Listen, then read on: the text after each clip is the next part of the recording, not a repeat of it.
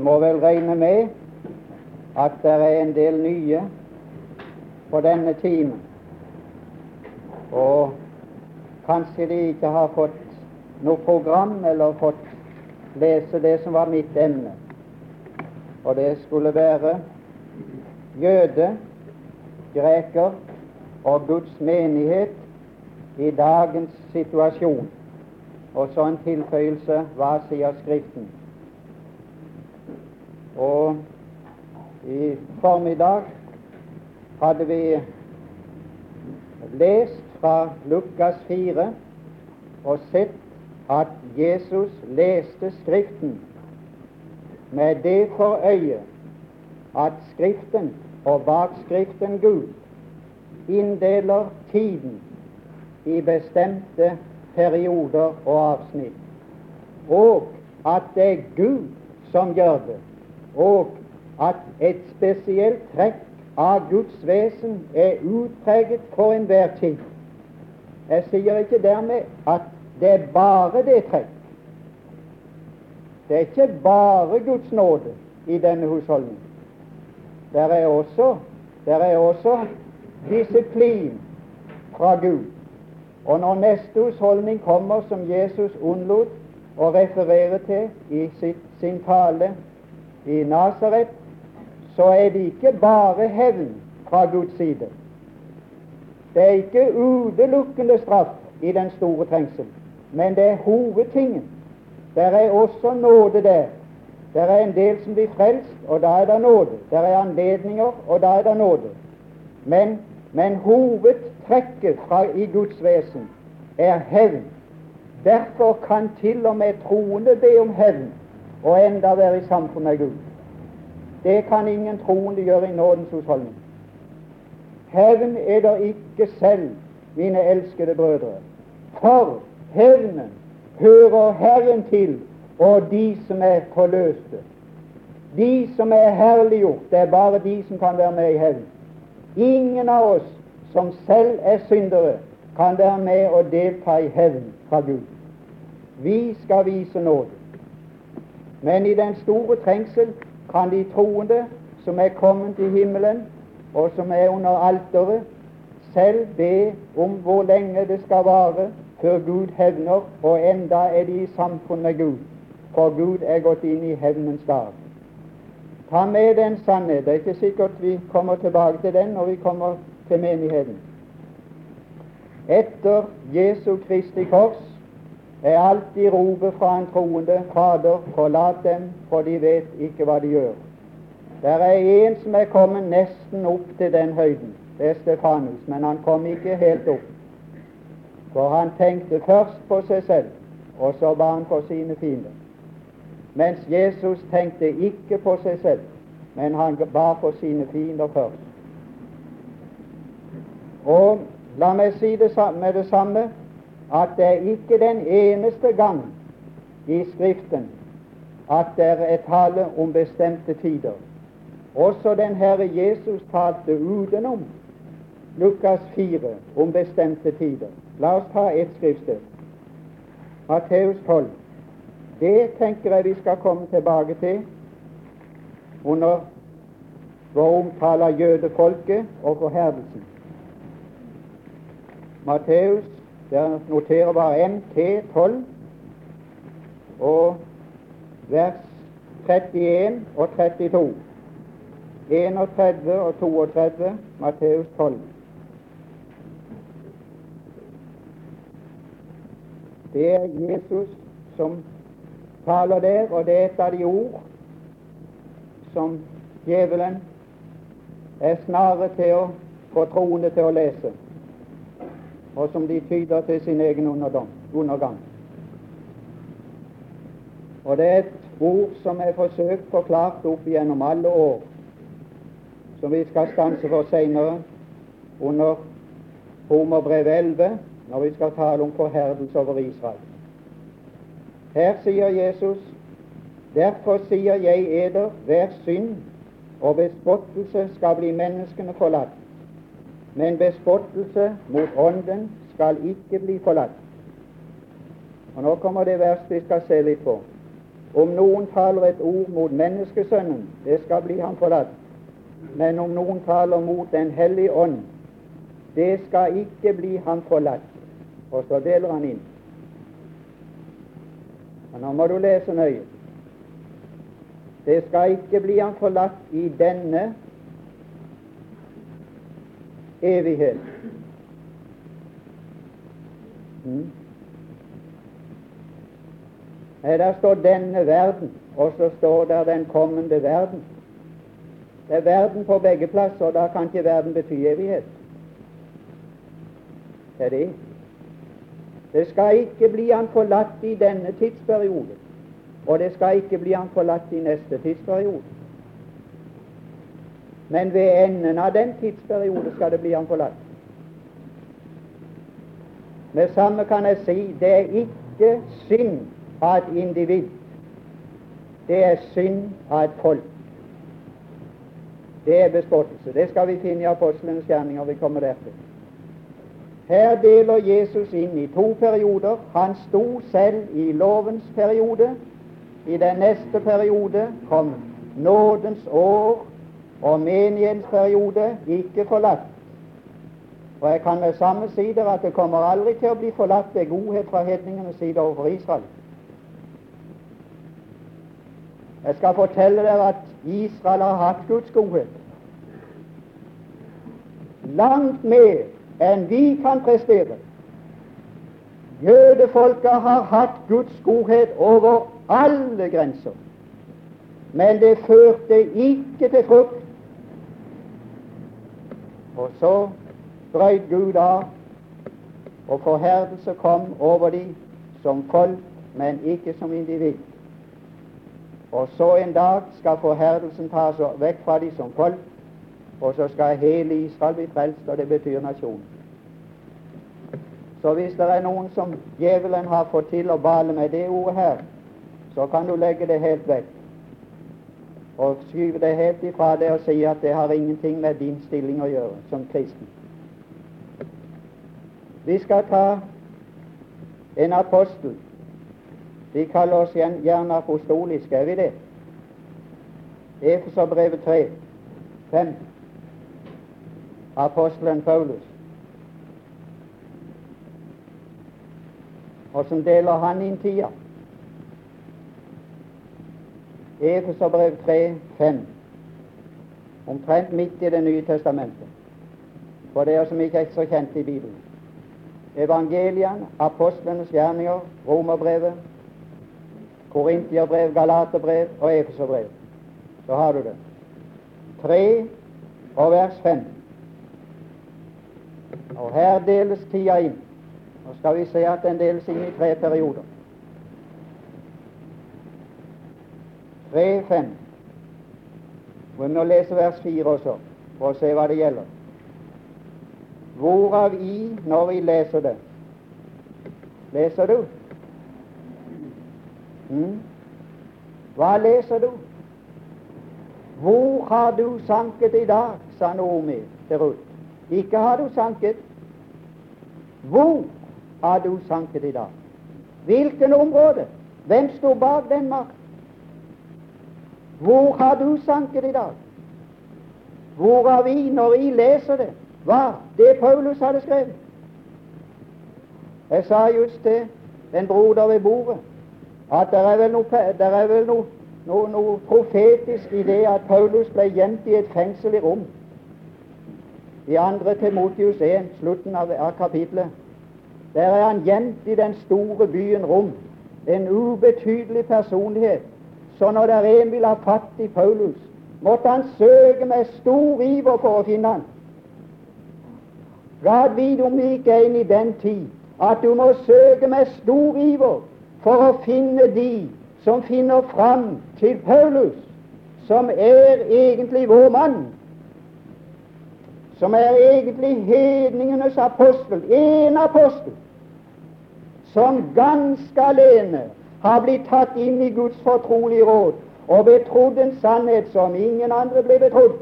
Han rusla side om side Abraham med Herren. Han hadde en hemmelighet, men ikke den. Skulle jeg skjule noe for min venn Abraham? Ja, ja, jeg skal skjule noe, men ikke det her. Ikke dommen, men han skjulte at han hadde i tanke at han på Moria berg skulle kjøpe en brud. Det er ikke blitt kunngjort for menneskenes barn. Men her er det kunngjort. Kan kjenne min innsikt i Kristi hemmelighet. Ja, det du bevarte lengst for deg sjøl, det var tanken på den ene. Det du bevarte lengst som hemmelighet. Som, sier han, og nå deler han inn tida, i de forrige tidsaldre så det der er flere. Og de er passert. Forrige tidsaldre. De er passert. De er passert. Og så står det i hebreerbrevet 'nåværende tid'. Så har du en nåværende tid. Vil du ha det skriftstedet? Jeg skal se om jeg kan finne det her. Er det 9-9? Ja. HB, du må få kortet, skal du skrive og notere. HB 9,9. Det er Hebreabrevet 9.9. Dere kan godt finne det opp og sette strek under 'nu' eller 'nå'. Dette er et bilde Å oh, ja. Dette er et bilde. Skal vite om folk, om de troende begynner å bli opptatt med bildene igjen nå. For meg ser det sånn ut. Nå begynner de som skulle ha det åndelige øyet, og interessere seg for det du kan ta med det naturlige øyet.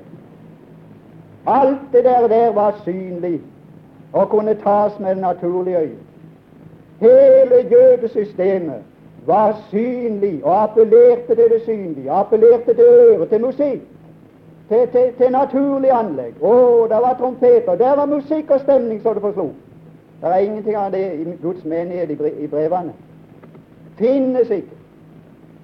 Her står det dette er et bilde inntil Inntil det, det skal passere. Det skal settes til side. Det skal trå ut av kraft, fordi det avløses av noe som er bedre. Det som er gammelt, sier Hebrevet, det er nær ved å bli borte. Ja, nå står det opp igjen. Nå tales det om synagogen for troende. Nå tales det om at kirken og synagogen skal til og ha samfunnet igjen og lære av hverandre. Nei takk, det finnes ikke i Skriften. Ikke i læren.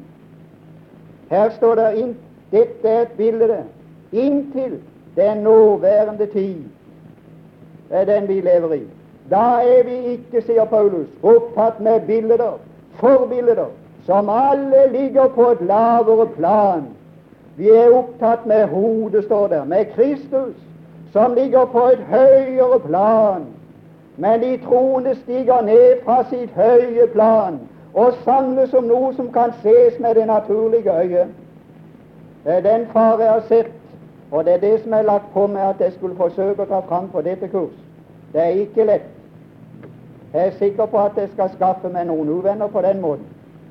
Men det kan ikke hindre at jeg må ta fram det jeg ser som en fare for Guds menighet så er det om å gjøre for oss å kjenne vår nåværende tid. Så vi lever opp til tida.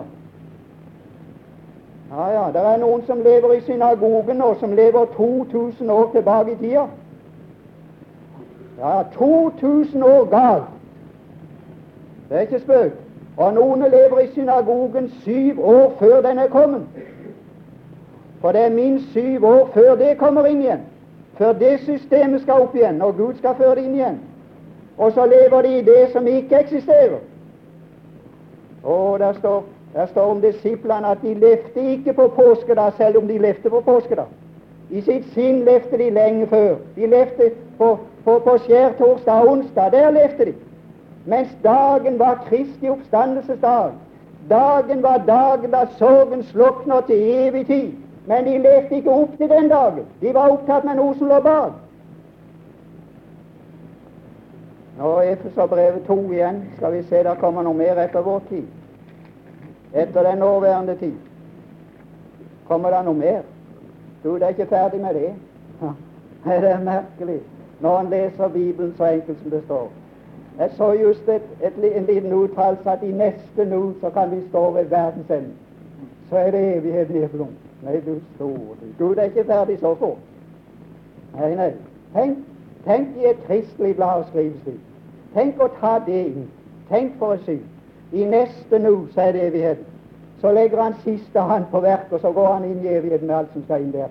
I begge, i begge, i begge klasser eller begge steder. Nei, venner, kommer noe etter vår tid.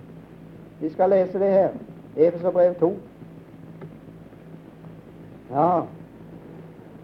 Å, jeg må, jeg må ta noe etter hvert, skjønt jeg kommer til å ta det til når jeg kommer tilbake, men jeg tror det er godt å repetere. Det er vel disse ting som er vanskelig å få tak i. Det er vel våre ting som er vanskelig å ta til i. Ja, ja, det er just det som er vanskeligheten. Det er her du må repetere. Det var en som hadde fulgt meg her på Sørlandet før når jeg reiste. Han sa han har hørt det tre ganger med den illustrasjonen. Jeg har aldri fått tak i han før i dag. Så vi kan visst repetere. Det kan du være sikker på. Det smaker ikke så godt for meg å repetere, men det, jeg tror det er heldig for de som hører på. Nå må du være med inntil den nåværende tid. Nå er det vår nåværende tid. Se her, vers 4. Gud som er rik på miskunn. 2-4 i Efeserbrevet rik på miskunn, har for sin store kjærlighets skyld, som han elsket oss med. Ja, han elsker. Gud elsker forskjellig, han. Ja, ja. Det gjør han. Ja, ja. Det gjør jeg også. Jeg har tre slags kjærlighet her i verden. Ja, minst. Ja, ja, minst. Ja, ja. To slags i mitt eget hjem. Ja. Jeg elsker ikke kona med samme kjærlighet som båndene. Gjør du? For langt ifra. Det er himmelvid forskjell der. Ja, men det er galt, sier du. Nei, det er ikke galt. Gud ville det sånn. Ingen protesterer på det. Men når det gjelder Gud, så sier de nei takk, du skal gjøre likt imot alle. Ja, Lønne alle likt, alle likt i evigheten. Sette strek over det som var godt, og heve deg opp som levde mindre dårlig. Nei, venn, Gud steller seg ikke sånn. Her står det 'som Han elsket oss med'. Gjort oss Å, oh, jeg er glad i de ordene oss. Der, der, der går jeg inn. Der går jeg inn i full fart. Det er verre sagt når Paulus sier 'jeg'. Da står jeg syv steg tilbake. Da er det vondt å følge med. Men når Paulus sier 'oss', oh, da er det alle sammen som hører med i det ordet 'oss', som er gjort levende. Vers 1. Han elsket oss, gjort oss og det er noe som er gjort. Gjort oss levende. Med Messias på jorda? Nei. Nei. Nei, nei. Der skal noen gjøres levende Messias på jorda. Ja, ja. Men ikke oss. Nei, nei. Vi hører til en annen sfære. Vi hører til et annet område, vi. Han har gjort oss levende med Kristus. Det har vel klang på det, det ordet, har det ikke? Med Kristus, i Kristus. Det har vel klang på det. Mm. Med Kristus, i Kristus. Oh. Og er sentrumet nå henne? Der oppe. Og er Jerusalem henne nå? Det er der oppe. Ja, det er der, det. Der er paktens ark. Der er nådestolen. Der er alt. Ja, det er der som er sentrum. Det er der han vil komme sammen med oss. Han kom sammen med Moses med den andre stolen på jorda. Han skal komme sammen med jødefolket ved den stolen en gang til. Ikke oss. Nei, nei, det er et bilde, det. Svarende til noe som er passert, og noe som skal komme igjen. Men ikke oss. Han gjorde oss levende med Kristus. Enda vi var døde ved våre overstredelser og synder, av nåde er i frelst. Kan du ikke lese så enkle ord, som er her? Var det en sjel som mangla vishet? Kan du ikke lese dette visheten? Les det til den. Les hva det står. Av nåde er i frelst. Ja. Les det der. Av nåde er i frelst. Ja, nåde, hva er det? Det, det er det uforskyldte. Som ikke krever annet enn å bli tatt imot. Det er det eneste krav der er til nåden. Vil du ha det? Ja, det er ikke mer krav. Vil du ha det, så er det ditt. Livsens vann uforskyldt for ingenting. Ja, jeg spurte han kom med dette arket, det var visst noen sanger. Jeg spurte om det var gratis. Ja, det er nåde, det. Er gratis betyr nåde. Skulle ikke ha noe for det, det akkurat han delte ut her i formiddag. Det er gratis. Han delte det bare ut. Det kunne jo ha nekta. Det er ikke vanskelig å nekte. Det er ikke vanskelig å nekte Guds nåde si nei takk, det er for godt. Men det hører ingen steds hjemme på troens område. Der tar du imot ved tro og sier takk. Din, din del er å tro det og takke, og Frelseren kaller deg sin. Av nåde er i frelst. Å, her er mer. Ja, jeg skulle vel helst ha stått punktum der. Nei, der står ikke punktum. Han går videre. Å, han går videre til den himmelske stad. Han går videre til det nye sentrum, den himmelske Jerusalem. Han har oppvakt oss likt for alle som er frelst. Oppvakt oss med ham og satt oss med ham. Det er fast vil. Bosatt. Ja, ikke besøk. Ja, ja, det er forferdelig folk bygger nå. Så sier de nå skal jeg sette bo når jeg Å nei, stakkar, du kommer aldri til å sette bo her. Det er bare når, når, når David kommer til de evige boliger, så sa han nå, nå tenker jeg å sette bo. Ja, ja. Jeg skal bo i Herrens hus gjennom lange evigheter. Det er bare der du kommer til å bo. Her er du på flytfot. Her er, det, her er det hytte som han skrev til meg en gang for Sjons. Han hadde vært på Sønder med familien, og så, og så kjørte, de, kjørte de nedover, så så de hytte, og så sa gutten til han å bety hytte, pappa, sa Bety hytte for noe. Det er bare sånn et hus som du bor i noen dager, sa han. Ja, men det var jo bestefars hus òg i hytte, sa han, for vi var bare der noen dager. Ja, det var just det det var.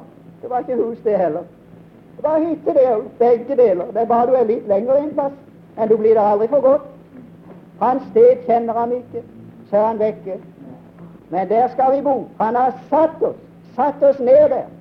Hører hjemme der. Han kan ikke komme lenger mer. Vi er kommet til Jesus, så er det ikke lenger. Det er slutten, det. Han har satt oss med ham i himmelen, i Kristus Jesus, for at og når jeg leser noen ord for at han i de kommende tider Ja, ja. Jeg har nå fått noe alt nå, men jeg har mye igjen. For det er noe som heter kommende tider. Det er kommende tider i denne verden, og så er det en avslutning med den evige sabbaten. Å, den evighet evigheters evighet som kommer etter tidene som er slutt. Og i den tid der som er foran oss, er menigheten gjort til skyteskive for Guds velsignelse. Tror du ikke han skal treffe oss? Ja, jeg kan være sikker. Han treffer livet nå, vi er for urolige. Det er vondt å treffe et mål som springer og løper alle veier. Å, men han skal treffe oss når han tar oss inn, som vi blir der og blir gjenstand for hans velsignelser, som han skal vise mot oss i de kommende tider. Å, du. Sin nådes overvettelse. Han kan ikke finne ord. Det går over alt vett. Rikdom i godhet mot oss i Kristus Jesus. Her har du kommende tider. Det er godt mulig at den første er snart inne. Det er mye som kan ty på det. Og den kommer etter året, vet du. Hevnens dag fra vår Gud. Og det skulle være for oss bare én ting da overfor verden. Det var å frelse noen, og ingenting annet ingenting annet. Så de som taler om misjon uten å frelse folk, de forstår ingenting av det.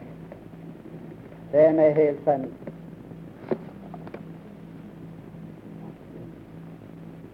Og nå vil jeg bare spørre og bare si er du apostolisk? Mm? Er du kristelig? For Kristus talte om tider og Kristus kjente til perioder. Er du kristelig? Ligner du Kristus der? Er du apostolisk? Er du paulinsk? Kjenner du til tida som er passert? Kjenner du til tida som er? Kjenner du til tida som kommer? Som alt angår oss? Eller tar du og plukker ut et ord her og et ord der som er godt og smaker godt? Omtrent som å leve på bløtkake hele livet. Det blir ikke mye muskler av det.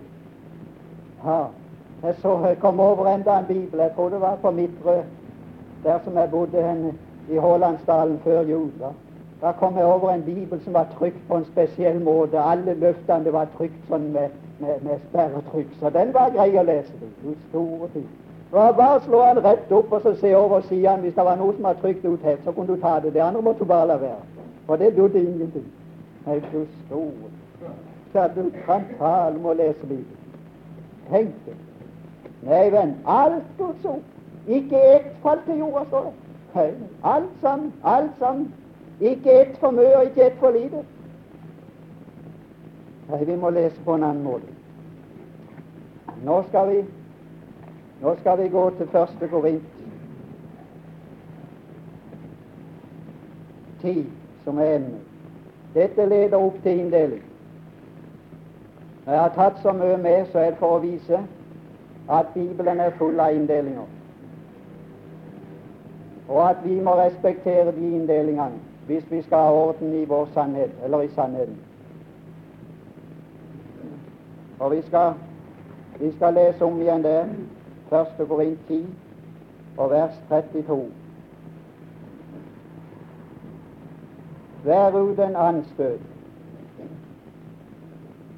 både for jøder og for grekere og for Guds menighet. Og alle de tre klasser finner du i det kapittelet. Alle finner du der. Hvis det, hvis det er noen som har den store Bibelen, så, så kan du gå ifra, ifra det verset og rett over på andre sida. Så har du den ene klassen. Jeg har sett en strek der.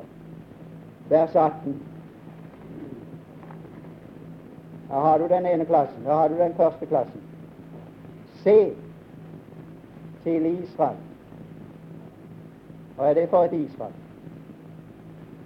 Hva er det for et isfall? Hæ?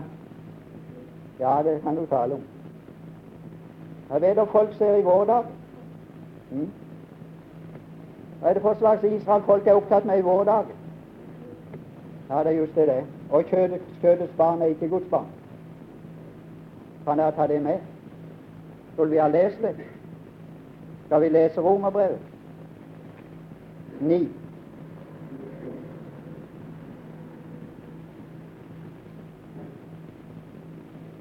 Nå må jeg si meg sammen at når jeg skal prøve å komme inn på de tre klasser, er det umulig å tale bare om én klasse. I en bibeltime er det umulig å tale bare om jøder. For sannheten om jøder er innfiltra i sannheten om hedninger. Og etter apostelens gjerninger er det innfiltra sammen med sannheten om menigheten. Så jeg må tale om alle de tre på en gang. Nå skal vi se. Jøde først. Ja, ja, bare til en viss rett. Bare med en viss rett. Ikke med all rett. Nei, nei. Her står i vers 7 Seks òg kan vi ta. Og dette nå, nå, skulle jeg ha sagt en ting som jeg har glemt. Det må jeg ta med. Det er ikke bare å si at det står i Bibelen. Å si at det står i Bibelen, er det samme som det er inspirert, og samme som det har Guds autoritet. Men det er like mye det har like mye å si og står det hen i Bibelen. Kan du lide på? Og står det hen i Bibelen? Står det der som det er forbilde? Eller står det der som det er sannhet og realitet? Står det der som det ikke er menighet? Eller står det der som det er menighet? Står det i evangeliene? Der er ikke menighet. Og tid kom den formaningen. Den kom med Paulus. Og sa ikke Jesus den formaningen? Det var ikke noe menighet. Han kunne ikke si den formaningen. Det var ikke noe menighet. Det var bare menighet under forberedelse. Det var menighet i tanke og idé og i utvelgelse og i hemmelighet, som han ikke kunne holde seg for å, å plumpe ut med en gang. Og fikk sagt det. De forsto ingenting av det. Jeg vil bygge min menighet. De forsto ingenting av det.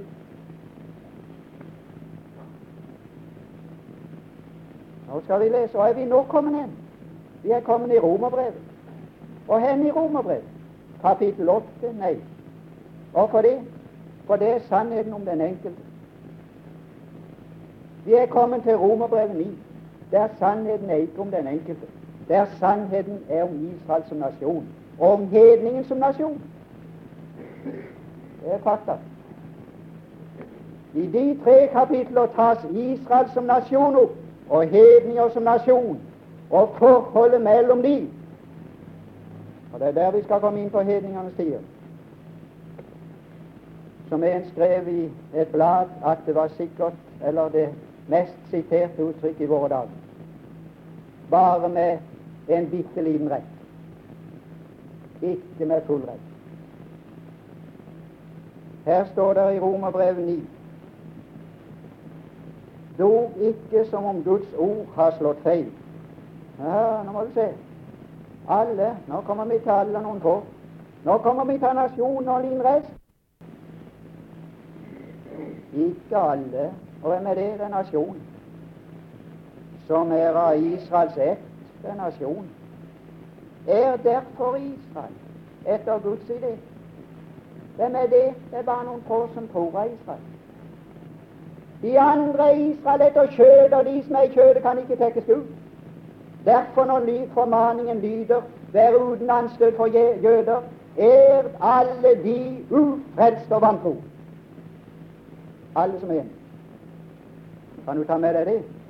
Vær uten anstøt for jøder, og det innbefatter alle vantro. Alle vantro. Nasjonen som helhet vantro. Nå står han med her. Heller ikke alle, fordi det er Abrahams ett, hans barn. I Isak skal nevnes det i nett. Og Isak, Isak ble født etter løftet på overnaturlig vis. Ja, ja, mens Ismael ble født på naturlig vis. Bildet på to som går ut fra Abraham. En, en åndelig slekt som vi hører til også. En, en for en som er troen. Vers 8.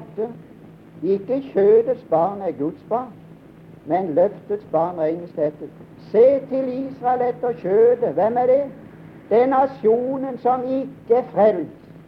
Men innen de er det mulighet for å bli frelst. Som også Paulus sier, 'Jeg er jøde'. Det var en mulighet. Og det skal vi komme inn på når vi taler om den totale forherdelsen, at den er ikke total. Og likedan var forkastelsen av Kristus ikke total. Hans egne tok ikke imot ham, det er totalt. Så kommer innrømmelsen. Men alle de som tok imot ham, det var noen. Det var ikke totalt. Nå hedninger som jeg er tale om. Vi skal komme tilbake til dette senere. Vi skal gå tilbake til første Korinterbrev 10, vers 32. Vær uten anstøt for jøder. Altså, hvem er det? Det er alle ufrelste. De er alle ufrelste. Og for grekere, hvem er det? Ja, De finner det i vers 27. Vers 27. Det er bare én klasse. Begge klasser er like i én ting de er vantro. Ingen frelse. Dersom noen av de vantro Hvem er det? Hvem er det som driver med avgudsoffer? Det er hedninger. Dersom noen av de vantro bereder til gjest og vil gå til dit, så kan de ete alt som settes fram for eder, uten at de spør for samvittighetens skyld mer etter det. Men dersom noen sier til eder dette er avgudsoffer, det var, det var jo hedninger. Alle de er også vantro. Alle som er. Så du tar den sannheten med deg. Så kommer det en flokk og alle i den er frelst. Ja, og det er Guds menighet. Og alle der er frelst. Og ingen der er ufrelst. Og alle der er troende. Og ingen der er vantro i ordets egentlige forstand, som har med stilling å gjøre. Og nå står det her at vi skal være uten anstøt for alle de tre. Da må vi kjenne litt til forhold. Åssen vi skal stelle oss i Guds hus. Åssen vi skal stelle oss overfor jøder. Åssen skal vi stelle oss overfor jøder? Åssen skal vi stelle oss overfor verden? De av verden som Gud taler hedninger omkring oss, hvordan skal vi selge oss det? Ja, jeg vil først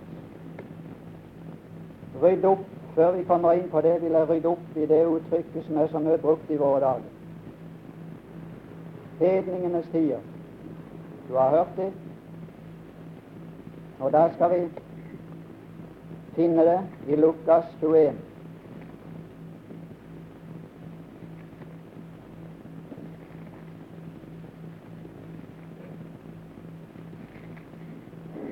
må du også se hvor det står hen. Det kommer jeg tilbake til alle tider nå. Ikke bare at det står i Skriften, men hvor står det hen? er det. Hvor står det hen i Skriften? Lukas 21 og vers 24. Lukas 21, vers 24. Men før vi tar det, så må vi tale litt om hedningene. Vi skal lese når det har funnet opp. Vi skal lese vers 20 også. Vi skal lese hele det kapitlet. Eller fra begynnelsen iallfall, når vi kommer til Vi kan lese det nå. Nå i Hvem er det? Det er disipler. Troende som var med han på fjellet. Se Ja, ja. Ja, ja. Der har du det. Med troens øyne. Nei, nei. Med naturlige øyne. Se. Hva er det de ser? Jerusalem. Og for en by. Den som lå der foran dem, som de kunne se fra fjellet. Jerusalem. Se vel, vi er på jorda. Alt dette her med jødene, det er noe som beveger seg på dette området her. Og så er det noen som har gjort seg til spesialitet og bare interesserer seg for det som er på jorda. Stakkars folk. Stakkars forvillelse. Synd. Anstøt for Guds menighet. Fordi de leder troens øye vekk fra det usynlige til det synlige. Mens Jesus har sagt det saligste som eksisterer, det er å tro uten å se. Det er det de troende tas vekk fra i denne tid. Nå skal de se for å tro. Det er ikke høyt. Det er ikke høyt. Det høyeste er å tro, bare ved å høre, og så tro, og si 'takk, Gud'. Du sier det, så er det så. Uten å kreve tusen synlige tegn. Når dere ser, dere troende, dere som skal gå inn i menigheten Maria som ble tatt vare på av Johannes. Troende jøder som ble løfta opp i menigheten. Ved Den hellige ånd står på pinsedag. Når dere troende ser Jerusalem bli kringsatt av krigsherrer, da skal dere vite at Sakarias 14 går i oppfyllelse. Nei, det skulle det ikke. For Sakarias 12 og 14 taler ikke om totalødeleggelse. Den taler om en tredjepart. Det er to ødeleggelser av Jerusalem. Den ene er kommet, den andre er ikke kommet. Dette er den som er kommet, og den var total.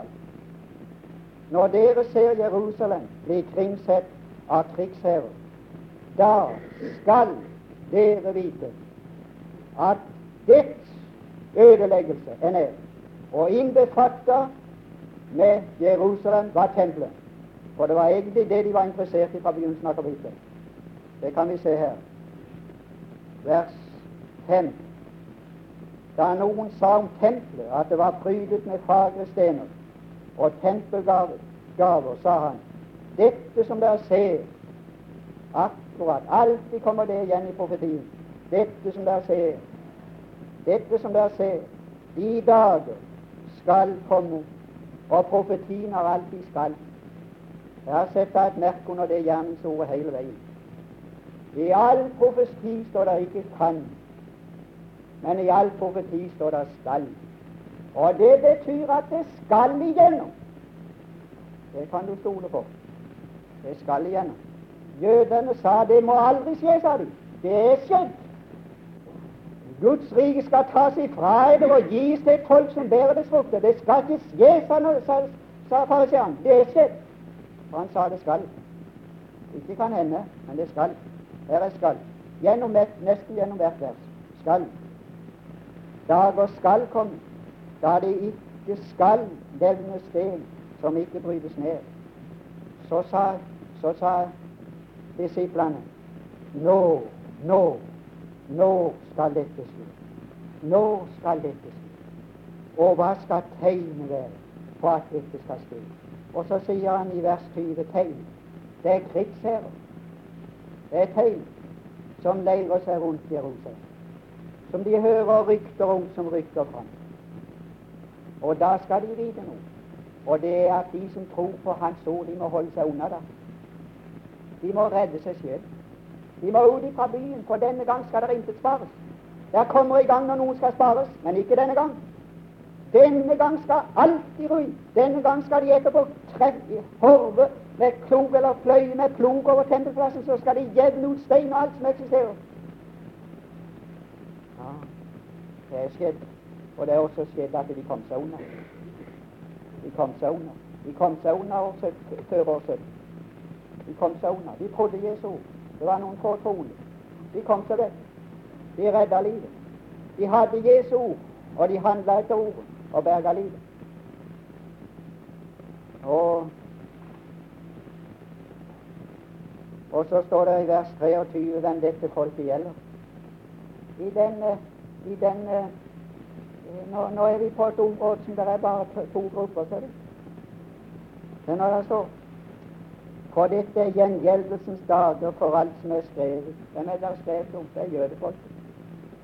Det er de det er skrevet om i Det gamle testamentet. Skal bli oppfylt. Og vers 23 Stor vrede skal det være over dette folk. Der har jeg sett av grønn strek, for det er jødene de følger jorda. Ja, ja. Dette folk, jødefolket. Og de skal falle på svært egg. Ja, det skal de. Josef ser det ble drept en million. Svært seg 97 000 bortført levende. Noen få latt tilbake. Og føres fange til alle folkeslagene, hedninger. Hvem er da ovenfor? Det er hedninger. Hvem er da under? Det er jødefolket. Hvem var over? Hvem skulle være over? Jødefolket. Hvem skulle være under? Hedningene. Og så sier han noe til slutt. At dette forhold skal vare, skal ligge nedtrådt inntil tidsforandring. Ja, ja. Inntil. Det kommer igjen mange ganger i Skriften. Vare inntil. Begrensa. Undertrykkelsen er begrensa. Dette forhold. Ikke bare med Jerusalem, som vi leser. Jerusalem er en liten del av et hele. Det skal vi lese om andre plasser i Skriften. Jerusalem står aldri atskilt alene, så når det befrir seg, alt befridd. Og langt ifra. Jerusalem står i forbindelse med landet, og landet og folket. Det er tre forhold som må alle sammen være i orden før det blir befrielse. Det er landet, det er folket, det er, det er Jerusalem. Alt det, de tre må i være harmoni før velsignelsen kommer. Og det er ikke kommet. Ikke 7. juni 1947 heller. Eller 67 heller. Men vi må la det være med det. Hvis noen vil lese, men det får dere antagelig ikke tid til, om dette forhold, kan dere lese 5. Mosebok 28. Så skal vi se på dette forhold med over og under, som du da innsetter i Skriften, i forbindelse med jødefolket og hedninger. Jeg orker ikke mer nå.